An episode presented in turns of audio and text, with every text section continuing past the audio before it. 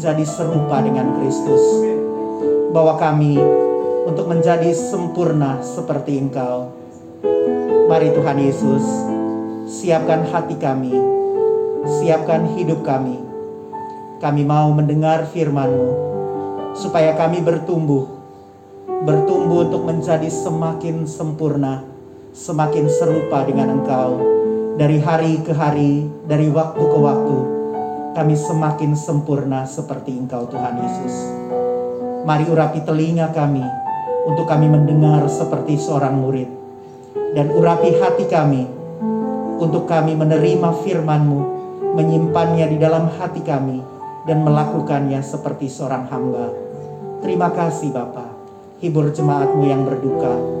Beri kekuatan kepada mereka yang letih lesu dan berbeban berat. Beri kesembuhan bagi yang sakit. Roh Kudus menjamah setiap kami. Biar kami ada di tempat ini, kami pulang. Kami tidak pernah sama lagi. Karena pengurapan korporat Allah, pengurapan bersama-sama sebagai anak-anak Tuhan di gereja ini memberikan kekuatan, pemulihan dan kesembuhan di dalam hidup kami. Kami mau sambut berkat firman-Mu. Di dalam nama Yesus kami berdoa. Haleluya. Amin. Beri kemuliaan buat Tuhan Bapak Ibu. Silakan duduk. Iya, boleh lihat tengok kiri kanan, boleh saling sapa dulu kiri kanan ya, kasih senyum yang terbaik buat eh, saudara-saudara di kiri dan kanan ya. Baik tadi pagi saya membagikan kebenaran firman Tuhan dengan judul mengembangkan karakter ilahi.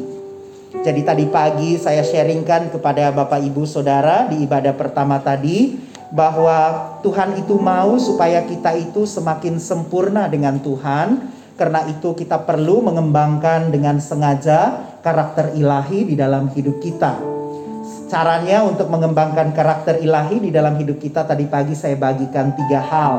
Yang pertama adalah kita harus sadari kelemahan kita, lalu kita harus terbuka dan berserah kepada pekerjaan Roh Kudus, lalu bagaimana kita membangun support system di dalam kehidupan kita supaya kita itu terus bertumbuh semakin hari menjadi semakin serupa dengan Kristus. Di ibadah kedua hari ini saya akan mengajar kepada Bapak Ibu bagaimana membuat mimpi itu menjadi nyata di dalam hidup Bapak Ibu Saudara, maka diperlukan hati yang murni. Diperlukan kemurnian hati, kemurnian di dalam batin.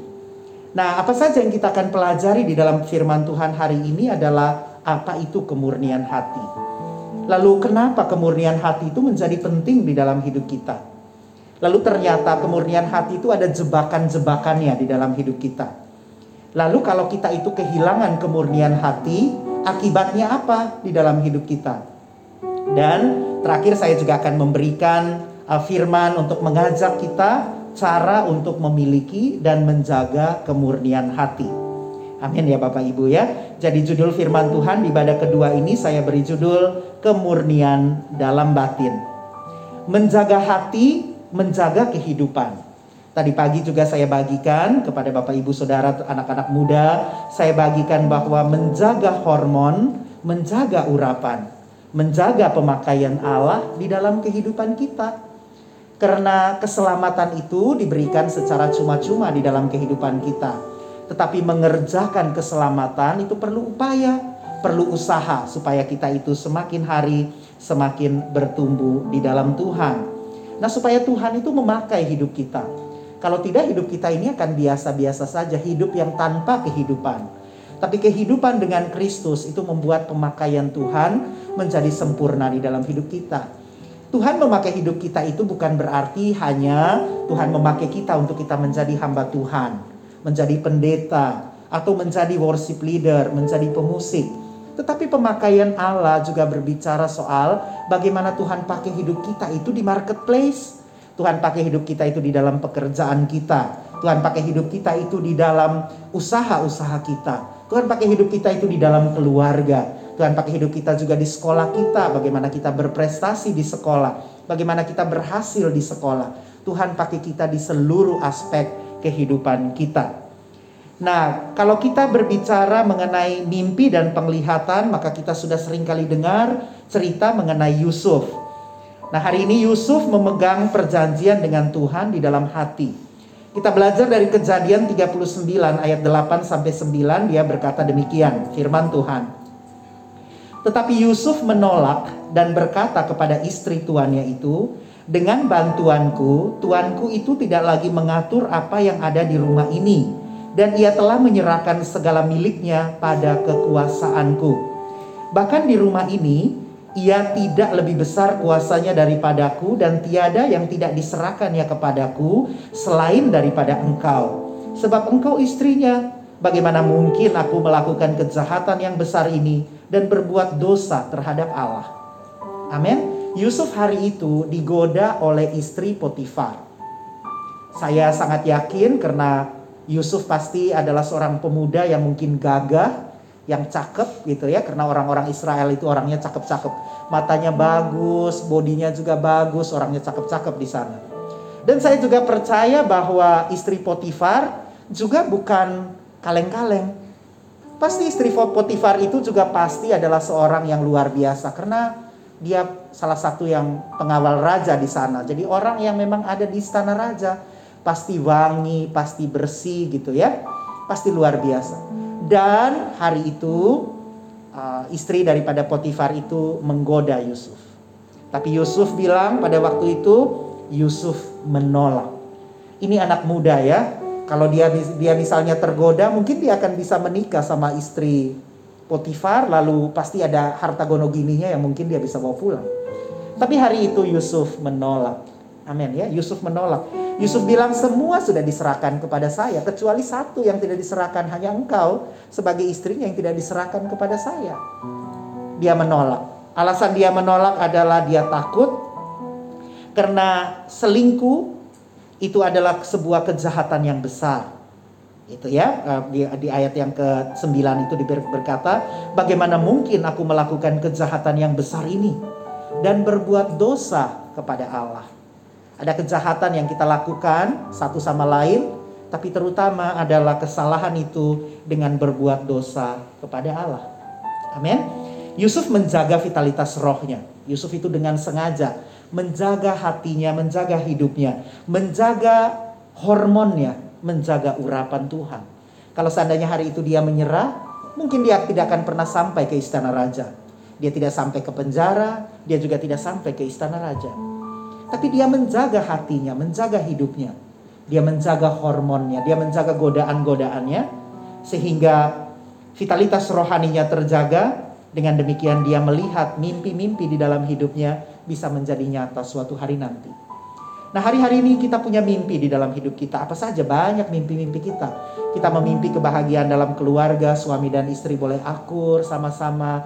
Kita mimpikan anak-anak kita punya studi yang bagus, sekolah yang bagus. Kita mimpi usaha-usaha kita terus diperluas oleh Tuhan. Kita mimpi pekerjaan yang baik ada dalam hidup kita. Kita mimpi kita akan menikah dengan pasangan hidup yang terbaik. Kita punya anak-anak yang sehat. Mimpi-mimpi yang banyak. Kita juga mungkin punya mimpi-mimpi yang sederhana. Mimpi punya rumah sendiri, mimpi punya kendaraan sendiri, entah itu sepeda motor, entah itu mobil. Kita punya banyak mimpi di dalam hidup kita juga janji-janji Tuhan terjadi dalam hidup kita. Kita mimpi CG-CG kita akan bertumbuh, kita mimpi kita menggembalakan semakin banyak orang, kita mimpi banyak hal terjadi di dalam kehidupan kita. Tapi kalau kita tidak menjaga hati kita, kita tidak menjaga hidup kita, maka mimpi itu tidak akan pernah menjadi nyata di dalam kehidupan kita. Karena itu hari ini saya ingin membagikan kepada Bapak Ibu Saudara dengan judul kemurnian dalam batin. Perlu hati yang murni, Perlu hati yang bersih, perlu hati yang tulus untuk kita melihat mimpi itu menjadi nyata di dalam kehidupan kita. Kemurnian hati itu akan menjaga kita untuk kita itu terus mendapatkan perkenanan Tuhan. Tuhan itu berkenan atas hidup kita waktu hati kita itu murni. Tuhan menaruh hati pada orang-orang yang hatinya murni. Tuhan berkenan kepada orang-orang yang hati yang murni. Nah, selain perkenanan Tuhan, kemurnian hati juga akan menjaga kita untuk mendapatkan kepercayaan dari Tuhan. Kita itu dipercaya lebih banyak karena kita punya hati yang murni, kita punya hati yang tulus, kita punya hati yang suci. Tuhan memberikan kepercayaan di dalam hidup kita. Kepercayaannya berupa apa? Pemakaian Allah di dalam hidup kita adalah sebuah kepercayaan. Keluarga juga adalah sebuah kepercayaan. Harta benda kita adalah sebuah kepercayaan dari Allah. Jadi kalau kita menjaga hati kita dengan baik, Tuhan akan berkenan atas hidup kita. Tuhan akan memberikan kepercayaan di dalam kehidupan kita. Nah, di dalam kita menjaga hati kita, kita perlu berhati-hati terhadap jebakan-jebakan yang mungkin timbul di dalam hati kita. Karena untuk mengetahui apa yang ada di dalam hati itu sering kali membutuhkan waktu. Amin ya. Waktu yang juga mungkin tidak panjang, eh, waktu yang tidak sebentar, tapi waktu yang panjang. Kita itu kalau kita baru lihat orang segalanya itu nampak indah, nampak bagus, nampak tulus. Tapi kita perlu waktu. Karena melihat kedalaman hati orang itu siapa yang tahu? Kedalaman hati orang itu kita tidak pernah tahu. Bahkan Mazmur 64 itu berkata demikian. Hukum Allah kepada orang fasik ya ayat 6. Mereka merancangkan kecurangan-kecurangan. Kami sudah siap. Rancangan sudah rampung. Alangkah dalamnya batin dan hati orang kedalaman hati orang itu siapa yang tahu. Ayat berikutnya, orang benar akan bersuka cita karena Tuhan dan berlindung padanya semua orang yang jujur akan bermegah diri. Nah manusia itu melihat apa yang kelihatan. Amin ya. Kita sering kali melihat penampilan-penampilan yang ada di luar. Kita lihat orang itu cakep, kita lihat orang itu kaya, kita lihat orang itu tidak kaya, kita lihat orang itu biasa-biasa. Kita lihat manusia itu melihat apa yang kelihatan yang di luar. Masalahnya adalah Tuhan melihat hati. Memang betul juga bahwa Tuhan melihat hati, tapi manusia itu melihat apa yang kelihatan yang ada di luar. Amin ya. Jadi apa yang kemudian menjadi penilaian Tuhan atas hidup kita? Kalau Tuhan itu melihat hati, lalu apa yang menjadi penilaian Tuhan di dalam hati kita? Yang dilihat oleh Tuhan adalah kemurnian hati kita. Amin. Amin Bapak Ibu Saudara. Amin ya. Masih sama saya semua ya. Saya takut nanti saya bicara terus hilang semua. Di online begitu ya, lagi doa-doa hilang semua tinggal saya ya. Tinggal saya di Zoom ya. Orang sudah hilang semua. Saya begitu, untung saya bagi firman Tuhan gak tutup mata. Kalau saya tutup mata hilang semua ya kan ya. Jadi saya juga harus berjaga-jaga ya. Makanya firman Tuhan bilang berdoa dan berjaga-jaga. Termasuk nanti makan siang Anda harus berdoa dan berjaga-jaga. Takut lagi doa nggak jaga-jaga hilang ayamnya satu. Bahaya itu ya. Nah, Kamus Besar Bahasa Indonesia itu ajarin apa sih maksudnya murni. Murni itu menurut Kamus Besar Bahasa Indonesia artinya tidak bercampur dengan urusnya ur, apa unsur yang lain. Murni, nggak ada campurannya yang lain. Betul-betul murni. Gitu ya. Terus belum mendapat pengaruh dari luar. Makanya anak kecil itu disebut anak kecil itu murni karena belum terpengaruh faktor-faktor dari luar ya. Jadi murni yang pertama itu tidak bercampur dengan urus unsur yang lain Murni yang kedua itu artinya belum mendapat pengaruh dari luar, masih polos, masih lugu gitu ya. Lalu murni juga berarti tulus, berarti suci, berarti sejati. Ya, kalau bicara tentang cinta itu ya, cinta yang tulus gitu ya. Cinta cinta yang fitri gitu ya, kan suci fitri itu ya. Cinta yang suci, cinta yang tulus. Bapak Ibu Saudara kayak liatin saya kayak gak pernah nonton sinetron aja itu loh cinta apa? Cinta Fitri kan, betul ya? Iya kan? Bapak Ibu kayak gak pernah nonton sinetron ini saya lihat ini ya. Padahal kalau nonton sinetron bukan bawa tisu lagi, bawa handuk. Buat nangisnya itu ya, bawa handuk ya. Nah, uh, uh, murni juga berarti di dalam keadaan yang masih suci, masih perawan gitu ya, belum ternoda, belum pernah menikah. Itu artinya suci, artinya murni menurut Kamus Besar Bahasa Indonesia. Nah, ada tiga alasan kenapa kita perlu menjaga kemurnian hati kita. Amin Bapak Ibu ya. Ada tiga alasan kenapa kita itu perlu jaga hati itu tetap murni. Hati itu tetap tulus. Hati itu tetap suci. Hati itu tetap murni. Hati itu tetap apa adanya. Ada tiga alasan. Alasan yang pertama adalah bahwa Tuhan itu melihat dan tertarik dengan apa yang ada di dalam. Bukan penampilan luar. Jadi Tuhan itu melihat apa yang ada di dalam. Amin ya. 1 Samuel 16 ayat yang ketujuh berkata, Tetapi berfirmanlah Tuhan kepada Samuel, Janganlah pandang parasnya atau perawakannya yang tinggi, sebab aku telah menolaknya. Bukan yang dilihat manusia yang dilihat Allah, manusia melihat apa yang di depan mata, tetapi Tuhan melihat hati. Bapak ibu saudara nanti kalau nanti punya anak-anak dan dia lagi cari jodoh, ingat ya jangan lihat parasnya, Jangan lihat mobilnya, jangan lihat motornya, makin gede motornya, makin nungging motornya, Anda semakin jatuh cinta. Anda jatuh cinta sama orang, bukan sama tunggingan motor ya. Gitu ya. Kata anak muda sekarang itu makin tinggi gitu ya. Ah, itu makin mantap. Kalau motor yang biasa-biasa kayaknya nggak pas. Jadi cakepnya itu lihat dari seberapa derajat tunggingannya. Nah sekalian aja tegak gitu ya biar Anda nanti bawa sepeda motornya tegak gitu ya. Daripada berapa derajat tegak aja sekalian. Nah Yoel 2 ayat 13 berkata, Koyakanlah hatimu dan jangan pakaianmu.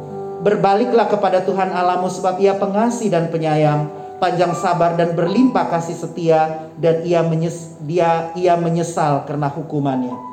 Amin. Tuhan itu melihat apa yang ada di dalam hati. Kita itu kalau bertobat, bertobat itu dari hati, jangan bertobatnya itu di luar gitu ya. Bertobatnya itu setengah-setengah aja. Tapi Tuhan itu melihat hati. Tuhan tidak melihat oh kayak kalau kalau manusia bahkan pemimpin-pemimpin kita itu juga bisa mengelabuhi pemimpin-pemimpin ya. Kelihatannya udah baik gitu ya. Eh ternyata enggak. Karena itu para pemimpin, sebagai leader, kita juga berdoa supaya Tuhan beri hati yang hati yang peka untuk melihat anak-anak kita, kita ajar, kita pimpin. Itulah kenapa perlu ada CG ya di dalam CG-CG itu tuh kita belajar memurnikan satu sama lain. Kita belajar untuk menajamkan satu sama lain. Karena Tuhan itu adalah Allah yang melihat hati. Yang kedua, alasan kenapa kemurnian hati itu penting adalah bahwa kemurnian itu mendatangkan perkenanan Tuhan. Tuhan berkenan kepada orang-orang yang tulus hatinya. Matius 5 ayat 8 berkata, "Berbahagialah orang yang suci hatinya, karena mereka akan melihat Allah." Nah, kita itu bisa melihat Tuhan waktu hati kita itu suci, hati itu bersih. Amin. Waktu hati kita tulus, hati kita itu bersih, kita itu bisa dengar suara Tuhan. Kita itu bisa melihat apa yang Tuhan hendak kerjakan, Tuhan hendak lakukan. Amin ya. Jadi hati yang murni itu membuat Tuhan berkenan. Itu membuat perkenanan Tuhan terjadi di dalam hidup kita.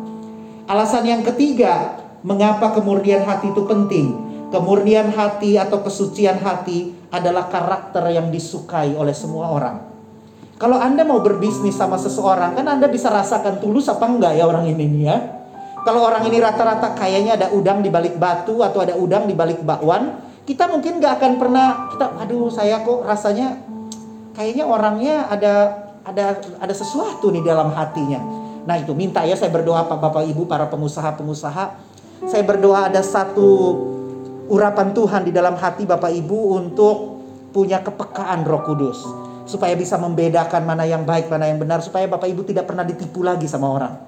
Kita-kita yang bekerja juga begitu, dapat urapan untuk membeda-bedakan roh. Waktu salaman sama orang, udah langsung tahu orang ini bagus apa enggak. Waktu salah, waktu lihat orang, lihat mukanya, wah muka penipu ini, nggak bisa ini. Ya? Nah bisnis kan begitu, kita harus jaga. Bapak Ibu harus jaga bisnis Bapak Ibu baik-baik. Karena Bapak Ibu akan jadi bendahara kerajaan surga. Bapak Ibu nanti pergi ke bangsa-bangsa, pergi ke mana-mana suku-suku, Bapak Ibu butuh usahanya itu diperlebar ya. Saya berdoa supaya Bapak Ibu bisnisnya berangkat lebih dulu baru Bapak Ibu juga berangkat ya. Pergi ke bangsa-bangsa, pergi ke mana-mana tempat yang Tuhan mau. Nah karakter itu, karakter ketulusan itu disukai oleh orang. Orang suka lihat orang yang tulus ya. Tulus itu membuat berkat Tuhan itu mengalir. Yusuf itu tulus, makanya Yusuf itu diberkati. Yusuf nggak neko-neko dia. Dia tulus saja hatinya itu apa adanya. Dia difitnah ya oke, ya udah kalau difitnah ya mau gimana lagi, masuk penjara. Di penjara dia pikir saya kan habis difitnah nggak mau lagi nggak. Dia tetap berbuat baik sama orang-orang di di kepala di, di dalam penjara. Dia dipercaya sama kepala penjara bukan? Dia pegang kuncinya. Habis itu dia terjemahin mimpi orang dan dia lakukan semua itu dengan tulus. Amin ya. Ini kalau kita punya kemurnian hati, bukan hanya Tuhan sayang sama kita, orang juga sayang sama kita. Orang juga senang yang hatinya murni, yang kalau kita ketemu apa adanya, nggak pakai topeng, nggak pakai neko-neko, nggak pakai yang aneh-aneh, orang suka, orang senang, ya kan? Bapak Ibu juga senang kan kalau lihat orang yang tulus ya. Wah ini tulus, nggak ada agendanya, nggak ada maksud-maksud jahatnya. Orang ini kayaknya apa adanya. Kita belajar begitu ya, karakter Tuhan itu ada di dalam hidup kita. Masalahnya suka ada jebakan-jebakan. Nah saya akan cerita tiga hal juga ada jebakan. Untuk kemurnian hati kita itu ada jebakannya juga. Jadi perkenanan dan kepercayaan Tuhan atas hidup kita itu juga ada ada jebakan-jebakannya kalau kita nggak jaga hati kita dengan baik. Amin ya. 2 Korintus 12 ayat yang ke-14. Oke. Sesungguhnya Karena sekarang sudah untuk tiga kalinya. Aku siap, ini kata Paulus ya. Aku siap untuk mengunjungi kamu dan aku tidak akan merupakan suatu beban bagi kamu. Sebab bukan hartamu yang kucari, melainkan kamu sendiri kata Paulus. Karena bukan anak-anak yang harus mengumpulkan harta untuk orang tuanya, melainkan orang tualah untuk anak-anaknya. Nah, Paulus ini contoh dan teladan yang baik bagi setiap kita juga bagi kita para pemimpin-pemimpin. Kalau kita memimpin orang, kalau kita ada bersama-sama dengan orang, bukan hartanya yang kita cari, tapi orangnya yang kita cari. Amin ya. Pada waktu kita membawa persembahan kita kepada Tuhan, juga bukan uang. Kita itu mengasihi orang bukan karena uangnya, tapi karena orangnya. Amin ya. Kita itu harus dikasihi, kita itu juga mengasihi orang karena orangnya, bukan karena uangnya. Amin ya. Makanya di dalam gereja ini tidak boleh ada yang merasa miskin, tidak boleh juga ada yang merasa kaya. Karena kita semua itu sama, sama-sama kalau kita kembalikan persepuluhan, kita tetap bawa 10%. Nah, terus nanti ada yang bilang, saya kalau bawa persepuluhan, saya bawanya banyak, saya bawa 10 juta. Saya mau kurangin lah. Oke, saya berdoa supaya Tuhan, engkau miskinkan dia jangan terlalu kaya.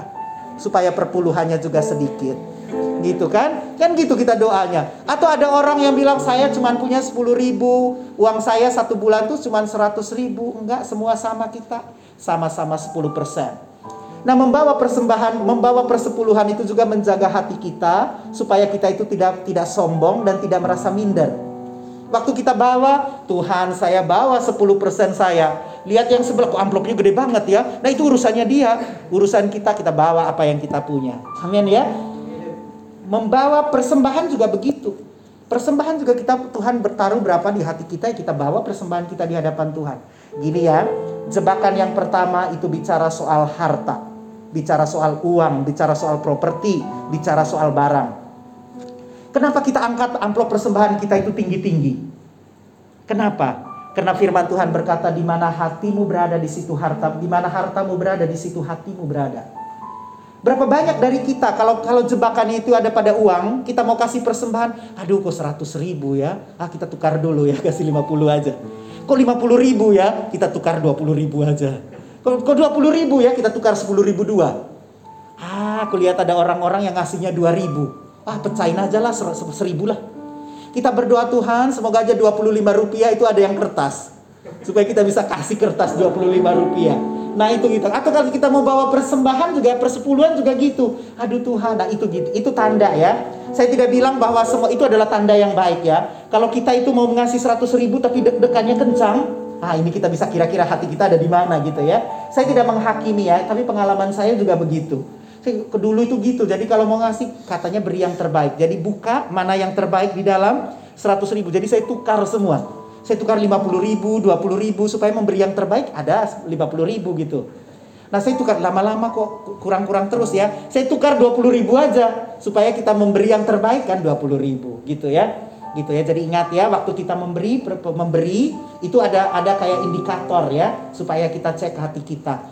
Atau juga barang milik kita juga begitu. Tuhan itu tidak minta harta benda ya. Tuhan tidak minta. Kalau ada hamba Tuhan terus bilang, Tuhan berbicara kepada saya, kayaknya rumah yang itu nanti diserahkan kepada hamba Tuhan, diserahkan kepada saya. Ah itu cek dulu itu ya. Cek dulu itu suara Tuhan atau suara dia minta rumah. Amin ya. Cek hati baik-baik, cek hati kita. Cek gitu ya. Cek betul-betul di dalam hati kita. Kita pemimpin juga gitu, kita nggak boleh memanfaatkan orang ya. Kita harus lihat itu baik-baik. Jadi cara kita cek jebakan, apakah jebakan itu ada pada harta, uang atau tidak, cara ceknya itu dengan tadi. Bagaimana hati kita terhadap persembahan? Bagaimana hati kita terhadap persepuluhan, bagaimana hati kita untuk memberi orang lain, berbelas kasih kepada orang lain. Kadang gini, kita perlu belajar ya bahwa uh, orang itu lebih penting daripada uang, daripada barang. Ya, kita harus memperlakukan orang tuh lebih penting gitu ya. Walaupun kita juga harus jaga barang. Jadi misalnya ada handphone yang mahal terus jatuh kayak gitu-gitu kita lebih sayang barangnya daripada uh, apa itu daripada orangnya gitu ya. Kita marahin orangnya seolah-olah handphone itu jauh lebih mahal. Tapi kita juga jangan banting-banting barang orang ya. Jangan banting-banting barang orang. Barang lebih lebih oh, saya lebih penting daripada barang itu salah juga ya. Nah, gitu dia ya. Jadi jebakan yang pertama itu adalah harta, uh, uang, bisa uang, bisa barang, bisa properti. Nah, jebakan yang kedua itu adalah posisi, harga diri dan nama. Kita kadang-kadang kalau kita kadang-kadang kalau punya nama itu hati kita itu nggak murni lagi. Demi jabatan kita nggak murni lagi hati ini, gitu ya. Bapak Ibu kalau kita itu mau jadi uh, apa itu namanya itu pejabat itu yang dipilih gitu ya anggota dewan walaupun tidak semua anggota dewan begitu tidak pemimpin tidak semua pemimpin begitu tapi kalau jelang-jelang hari pemilihan gitu ya orang orang-orang Kristen tiba-tiba dia udah kayak terima Tuhan Yesus kayak gitu-gitu ya kemarin ada yang cerita sama saya ya waktu mau pemilihan tiba-tiba dia bertobat gitu-gitu ya nah gitu ya kita perlu cek apakah demi jabatan demi posisi kita punya hati bisa jauh bisa melenceng seperti itu ya Jebakan yang ketiga. Jebakan yang ketiga itu bicara soal uh, lawan jenis. Ya, lawan jenis ya bisa pria, wanita, kita itu bisa terjebak oleh karena jatuh cinta ya, bisa terjebak ya. Karena kita itu ya, orang-orang Kristen itu tampilannya beda. Apalagi kalau kita itu dipakai Tuhan untuk melayani Tuhan, dipakai dipakai Tuhan menjadi orang-orang yang bekerja melayani Tuhan. Kita itu beda ada sesuatu yang menarik pada kita. Urapan itu menarik orang. Amin ya. Urapan itu menarik orang. Kalau kita diurapi, diurapi oleh Tuhan itu menarik orang-orang itu datang. Bukan datang kepada kita, datang kepada kita untuk kita arahkan kepada Kristus. Amin ya. Urapan itu menarik orang-orang untuk datang kepada kepada orang menarik orang uh, urapan itu urapan yang ada pada kita itu menarik orang-orang itu untuk datang dan melihat hidup kita. Karena itu kalau kita itu punya urapan, kita harus hati-hati menjaga urapan itu. Orang itu bisa meninggalkan Tuhan karena lawan jenis ya. Orang itu bisa meninggalkan Tuhan tuh karena pasangan. Orang bisa tinggalkan Tuhan ya. Entah apa yang dilihat itu ya. Orang tuh bisa udah dia orang tuh bisa meninggalkan Tuhan, pindah ke tempat yang lain, pindah Tuhan ya kan. Tuhan juga bisa pindah-pindah ya kan ya.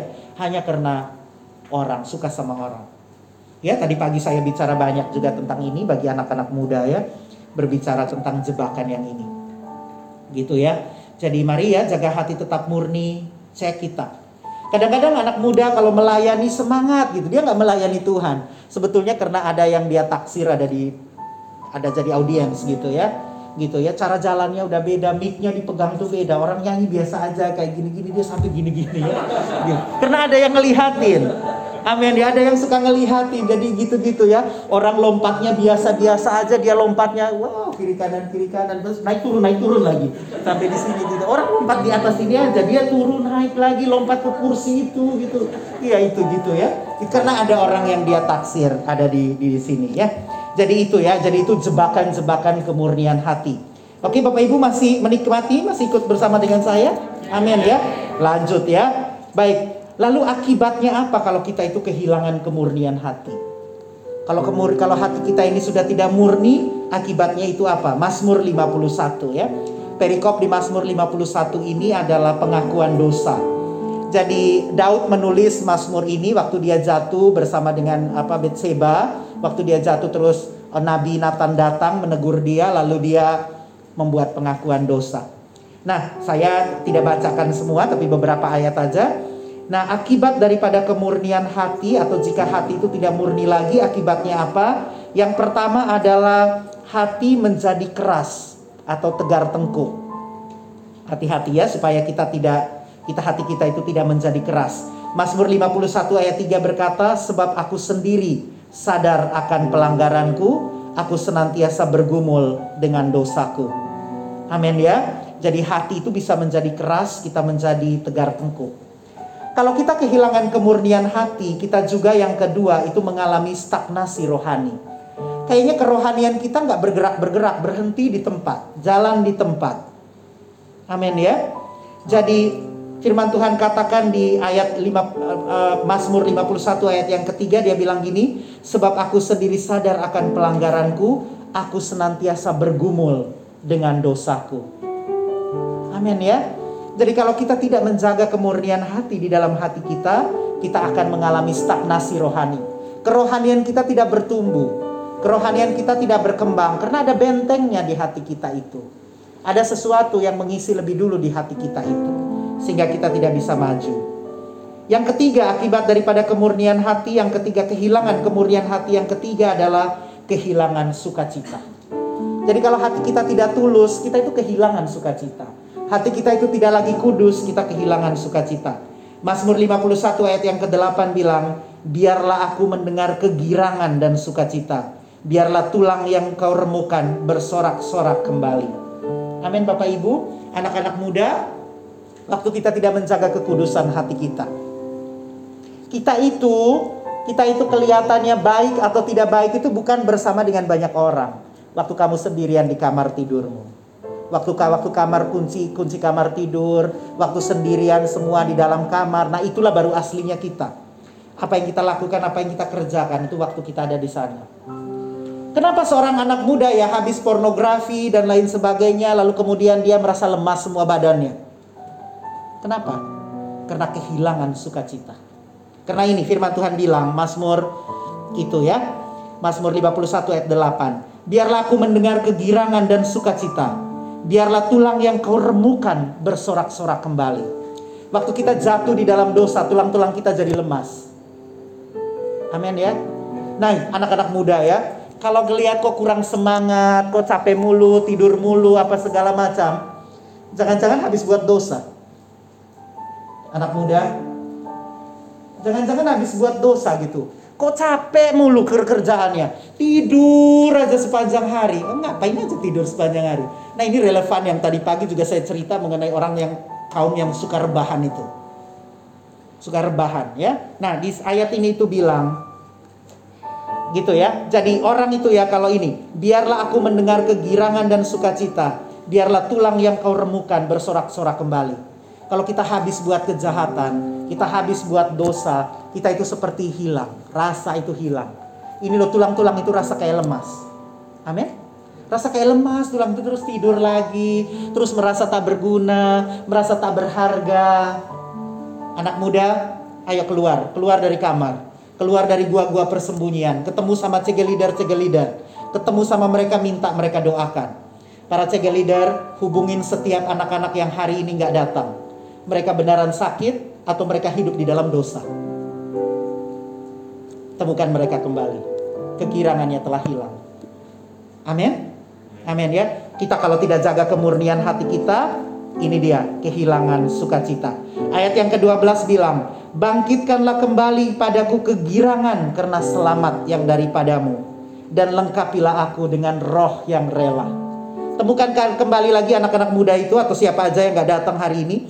Temukan dia kembali. Supaya apa? Kegirangan karena selama keselamatan itu muncul kembali. Kasih tahu dia bahwa Tuhan sudah mengampuninya. Dan jangan berbuat dosa lagi. Seperti Tuhan Yesus itu bilang yang mau menghakimi perempuan yang kedapatan berbuat zina itu. Dia bilang, aku juga tidak menghukum engkau. Pulanglah dan jangan berbuat dosa lagi. Amin ya. Temukan orang-orang itu dan kasih tahu kepada mereka, Tuhan telah mengampunimu. Jangan berbuat dosa lagi. Dan bawa dia, bawa dia untuk mengerjakan visi Tuhan. Karena berikutnya dia bilang apa? Lengkapilah aku dengan roh yang rela supaya setiap kita itu bisa terus bertumbuh di dalam Tuhan, supaya kita itu bisa maju, supaya kita itu tidak jatuh di dalam dosa dan kesalahan, supaya kita itu tidak mutar di area-area itu saja. Firman Tuhan bilang apa di sana? Lengkapilah aku dengan roh yang rela. Roh yang rela untuk apa? Roh yang rela untuk mengerjakan mengerjakan keselamatan, mengerjakan visi Tuhan. Amin. Jangan beri dirimu untuk istirahat terlalu banyak Jangan beri dirimu untuk tidur terlalu lama, santai-santai terlalu lama. Ayat ini lo muncul karena Daud itu lo orang lain pergi perang, Daud nggak perang.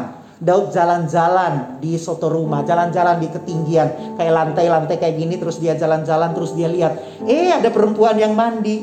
Coba dia pergi perang, dia nggak mungkin lihat orang mandi. Nah gara-gara itu dia bunuh orang, gitu ya. Jadi sibukkan diri kita, sibukkan dengan pekerjaan, sibukkan dengan pelayanan. Dengan hati yang tentu saja murni, dengan hati yang benar. Amin ya. Kerjakan, pergi berperang itu bicara soal menjangkau jiwa juga berperang. Pergi ke sana, telepon orang apa gitu ya. Gitu, gunakan lebih banyak waktu untuk yang kayak begitu-begitu. Sibukkan dengan sengaja. Telepon seseorang, ajak seseorang, doakan seseorang, Latih kita ini untuk banyak ditolak sama orang ya.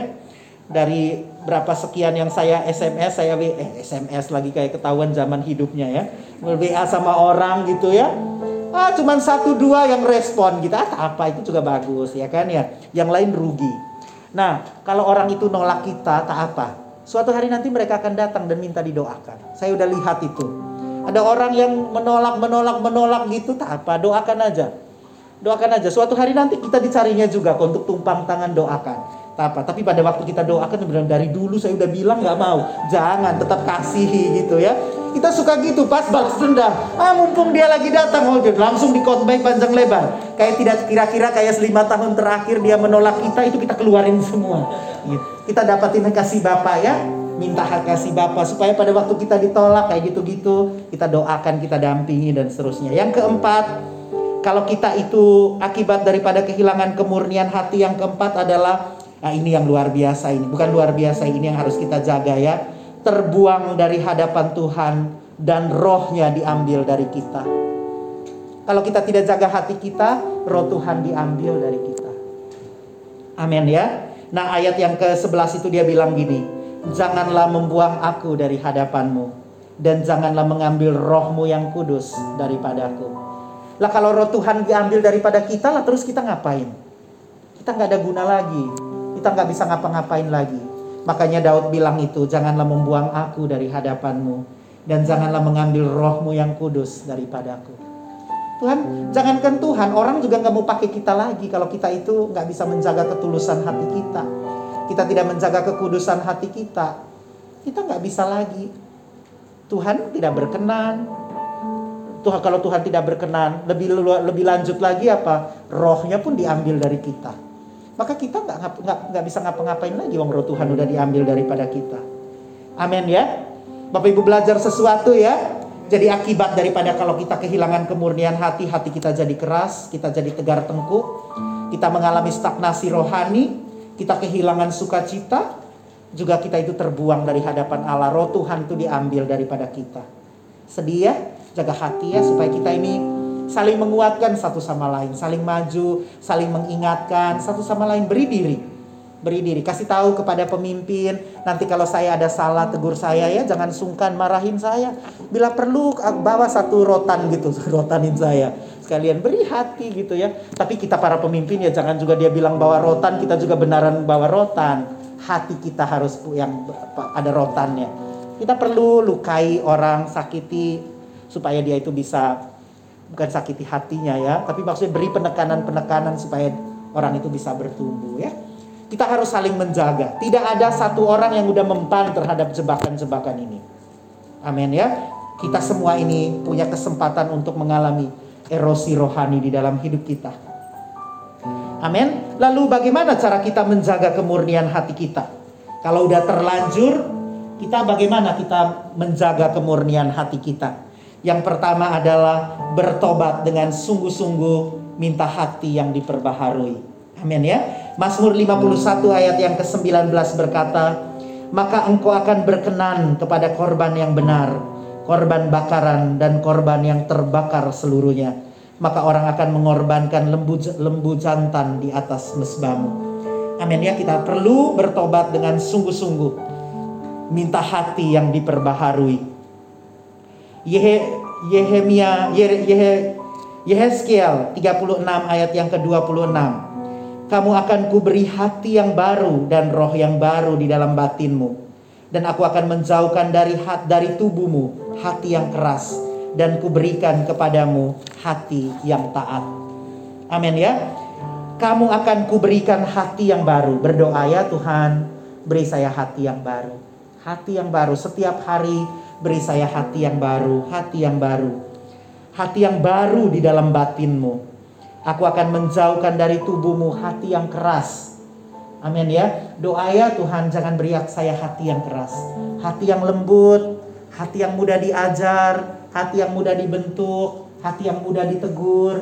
Beri saya hati yang demikian. Jangan hati yang keras. Dan kuberikan kepadamu hati yang taat. Ya, kita perlu taat, kita perlu tunduk kepada otoritas, kepada orang tua kita, kepada para pemimpin kita, kita perlu memberikan hati yang taat, hati yang mau tunduk. Yang kedua, bagaimana kita memiliki dan menjaga kemurnian hati kita yang kedua adalah doa dan puasa. Harus berdoa, harus berpuasa. Mazmur 139 ayat 23 sampai 24 berkata, "Selidikilah aku ya Allah dan kenalah hatiku. Ujilah aku dan kenalah pikiran-pikiranku. Lihatlah apakah jalanku serong dan tuntunlah aku di jalan yang kekal." Amin ya. Kita minta Tuhan selidiki hati kita. Selidiki aku. Lihat hatiku. Apakah ku itu pakai kunci apa ya? Itu ya.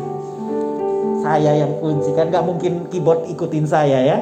Saya yang ikutin keyboard. Selidiki aku ya Tuhan dan kenalah hatiku. Ujilah aku dan kenalah pikiran-pikiranku. Perlu itu ya.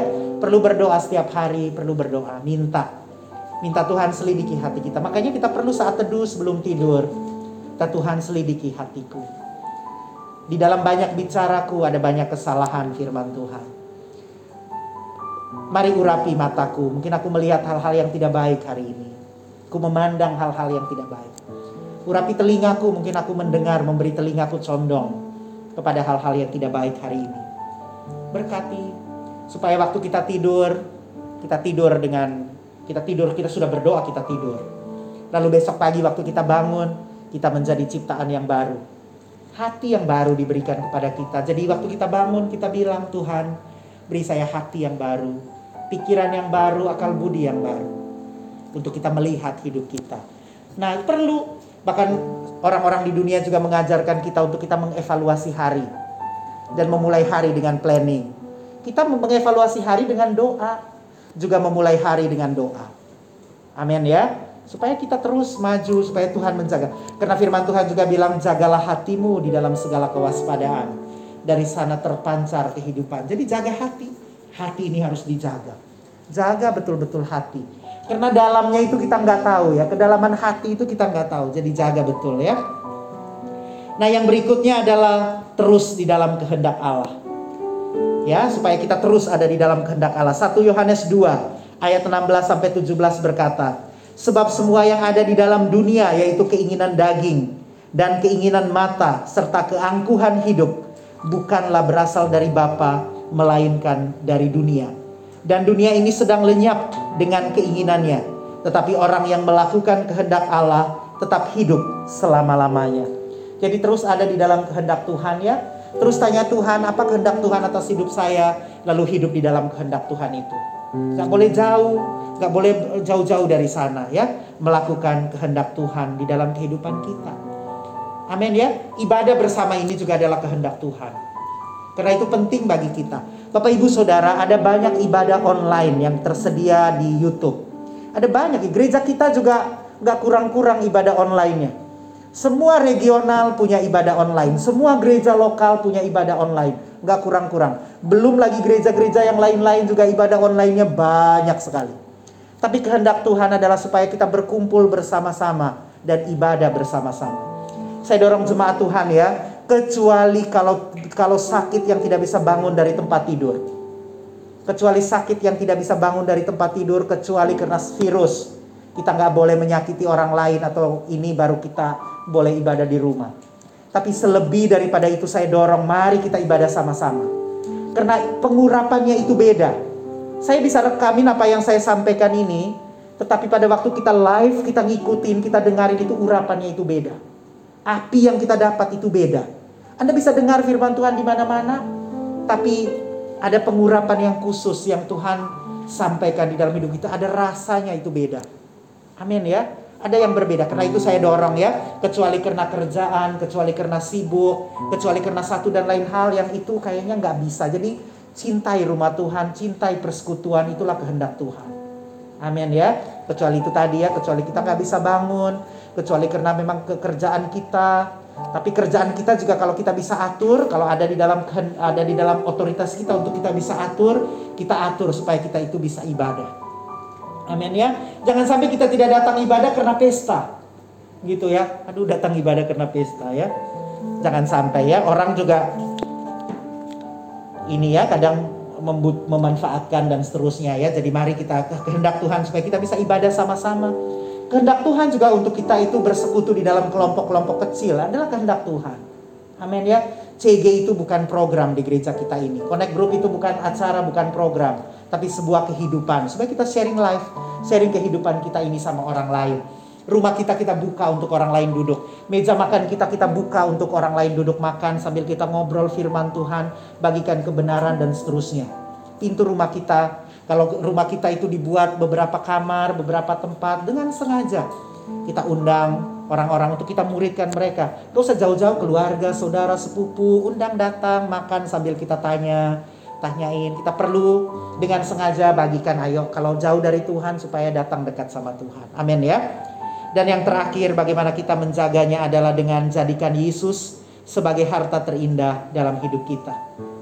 Tidak ada harga harta yang lebih berharga daripada Tuhan Yesus ada di dalam hidup kita. Mazmur 73 ayat 25 sampai 26 berkata, "Siapa gerangan ada padaku di surga selain Engkau?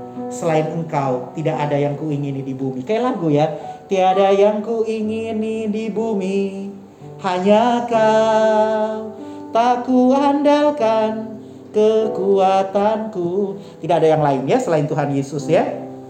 Bukan dapatkan kasetnya ya, nggak pakai kaset lagi sekarang ya. Bapak Ibu masih punya tape yang mutar itu. Yang mutar itu ya, nggak pakai lagi ya. Berikutnya, sekalipun dagingku dan hatiku habis lenyap, gunung batuku dan bagianku tetaplah Allah selama-lamanya. Amin ya. Hanya Tuhan yang ada di dalam hidup kita ya. Hanya hanya kau hanya kau. Lagunya banyak ya ibadah kedua ini ya. Kayak kaset berjalan gitu ya. Oke itu saja yang mau saya bagikan kepada bapak ibu. Saya undang tim PAW untuk mari maju ke depan. Lagu yang tadi itu ya. Yang tadi yang tadi